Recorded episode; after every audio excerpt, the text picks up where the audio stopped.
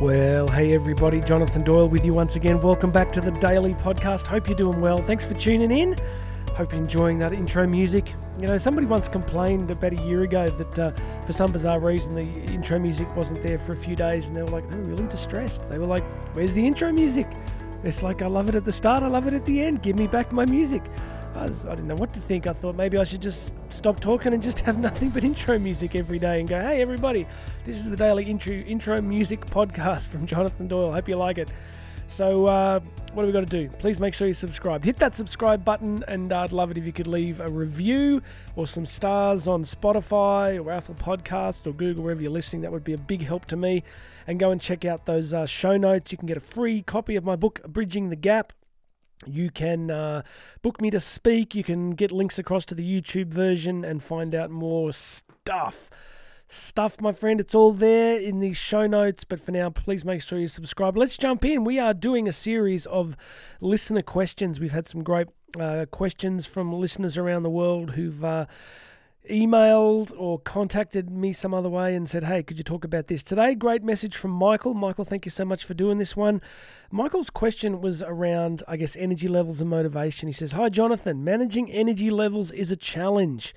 Feeling the need to be up all the time and maintaining motivation is something many people I chat to struggle with. I'd be keen to hear your thoughts.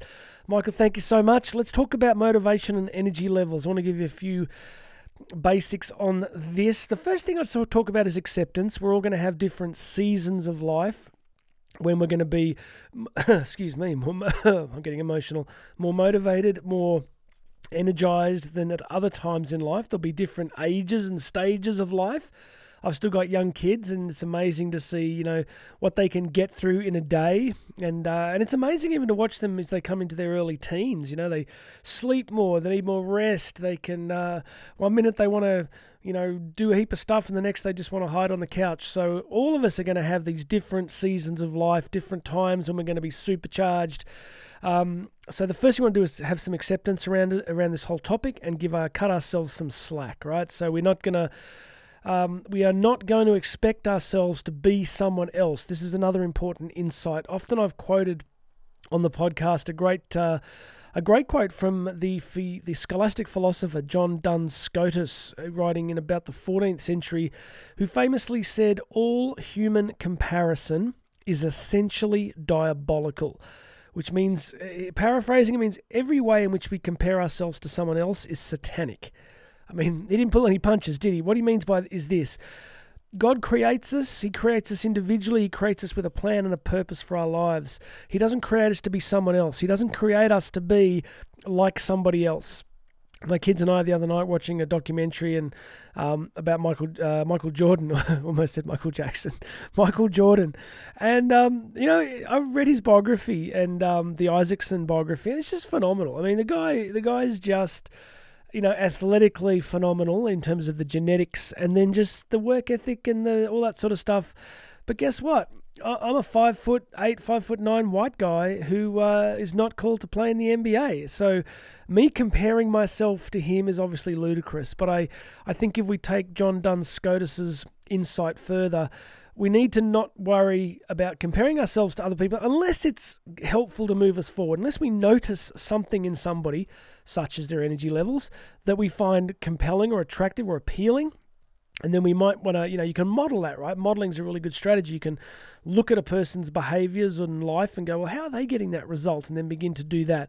So there's a tension here, there's a paradox. We don't want to compare, but we can model. We don't want to wish our lives away, wishing we were like someone else, but we can look at the things that people do with high energy levels and then just model some of those things.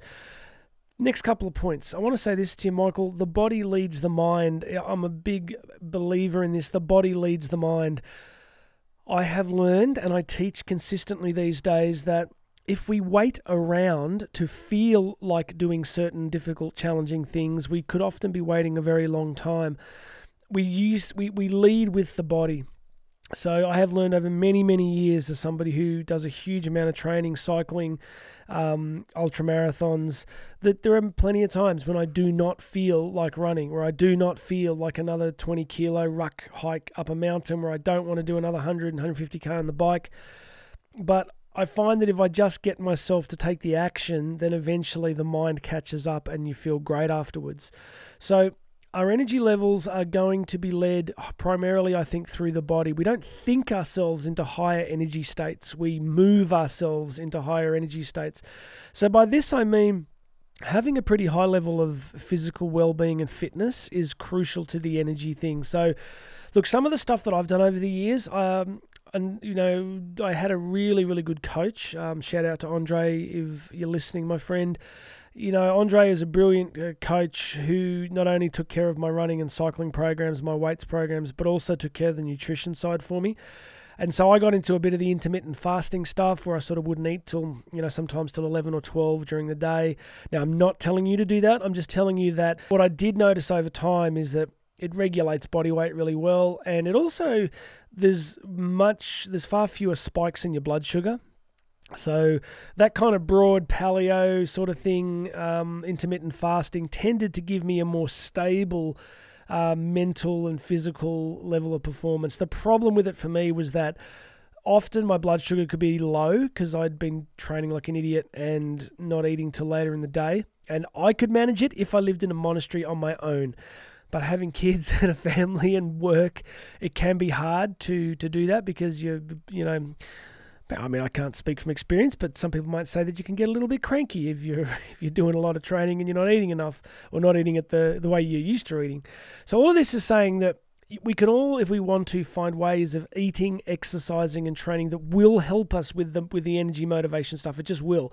Now, I'm not going to prescribe to you what particular uh, strategy or approach you should take, um, I think there's a lot to be said if you can afford it to have some kind of coach.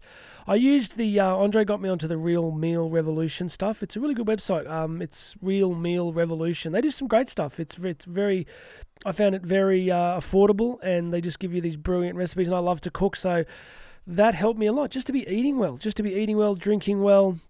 Uh, and sleeping well, you know, I've got the most hilarious sleep routines. I go to sleep pretty much you know, I'll often be up at 3 or 4 a.m., but I'm asleep early and I'm asleep exactly the same way.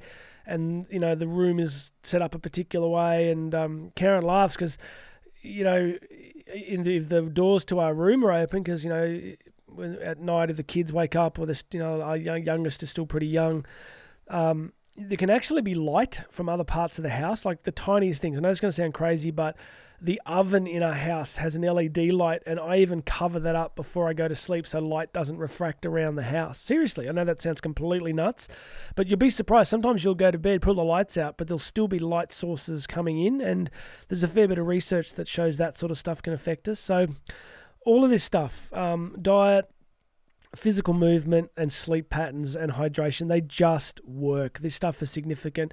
If you're eating really poorly if um you know if you're staying up super late if the last thing you do before bed is check social media and put your phone next to your bed the effect on brainwave patterns is significant. So this is around the energy level stuff in michael's question.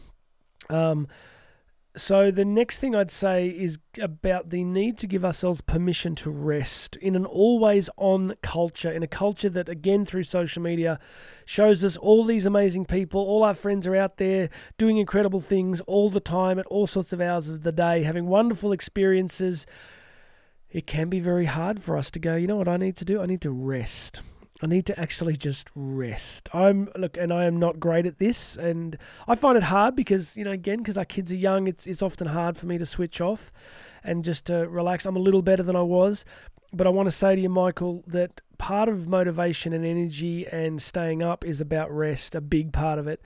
Um, I've always been fascinated by the monastic life. I uh, many many years ago, I spent a fair bit of time in a monastery and and there's this movie that I used to love called Into Great Silence. It's a beautiful film. It's a documentary about this um, this silent monastery in Germany, in a remote area, and the rhythm of life, the routines of life, and and how they schedule time for rest and for fun and for sleep and for eating and all this stuff is just scheduled, but the rest part is significant too.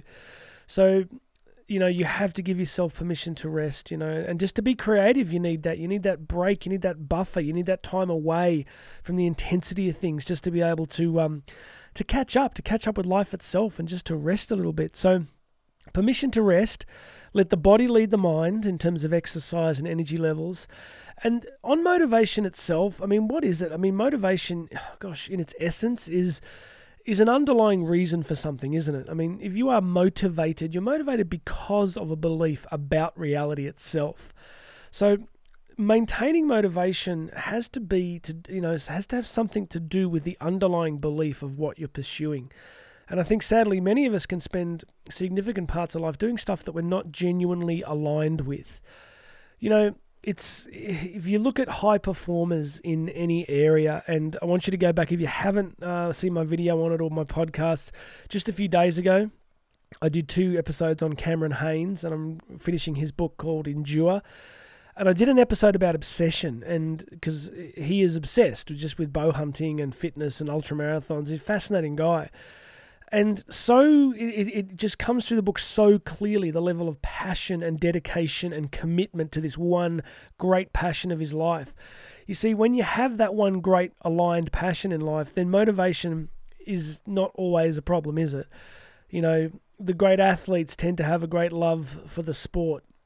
You know, it's sort of so I want to say that if you're struggling with motivation, what you will find underneath that struggle will be questions around meaning will be questions around purpose. Why am I doing this? Why do I do I want to do this? Uh, could I be more effective doing something else? Could I take a risk and do something that I would love to be doing, but I'm afraid to do it? So, underneath motivation questions will be belief and meaning questions. That's what I think. I think, um, you know, when I, the amount of training I do, you know, I've said in a, a few episodes that uh, I look back at my father who was, you know, tragically very overweight and struggled a lot with depression and, and was not very physically active and didn't eat well.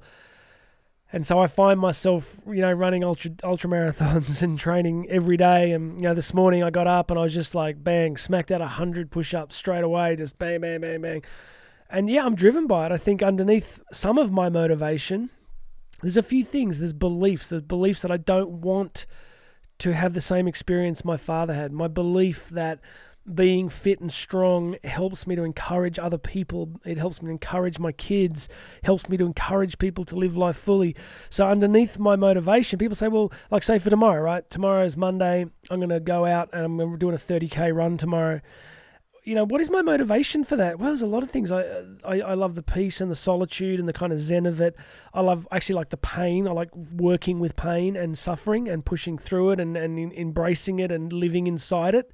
I like that kind of mental, spiritual challenge. I like the feeling afterwards. I like the exhaustion. I like eating well afterwards. I like the fact that I've just done it and it's cool. And um, so there's these beliefs underneath it, these things that have meaning for me underneath it. So, Michael, summary. We don't need to be up all the time. We don't need to be up all the time. We need to be up at key times. For me as a speaker, you definitely want to bring your best when it matters. We don't have to be up all the time. We need to have permission to rest. We need to let the body lead the mind. We need to we need to eat and train and exercise. And friends, please, whatever state of life you're in, you know, I banged out 100 push-ups this morning. Maybe you can do one. Maybe you can do 200. It doesn't matter. But it's, you know, my one of my other coaches, Al Romero, just just brilliant. And Al taught me just about movement. He said the body is designed to move. We are human. We are designed to move.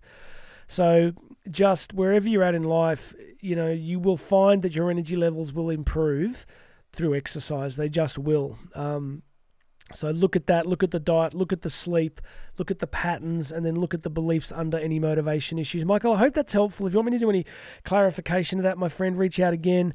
But practically, I would say to you get fitter, eat better, sleep more or sleep better and take the time to honor yourself and look at your underlying motivations. What are the beliefs? What is significant to you? What do you genuinely care about? What is the engine underneath it all that leads you to do whatever it is that you are doing? Because, my friends, this is not a dress rehearsal. We do not get a second shot at this thing called life. We get one go.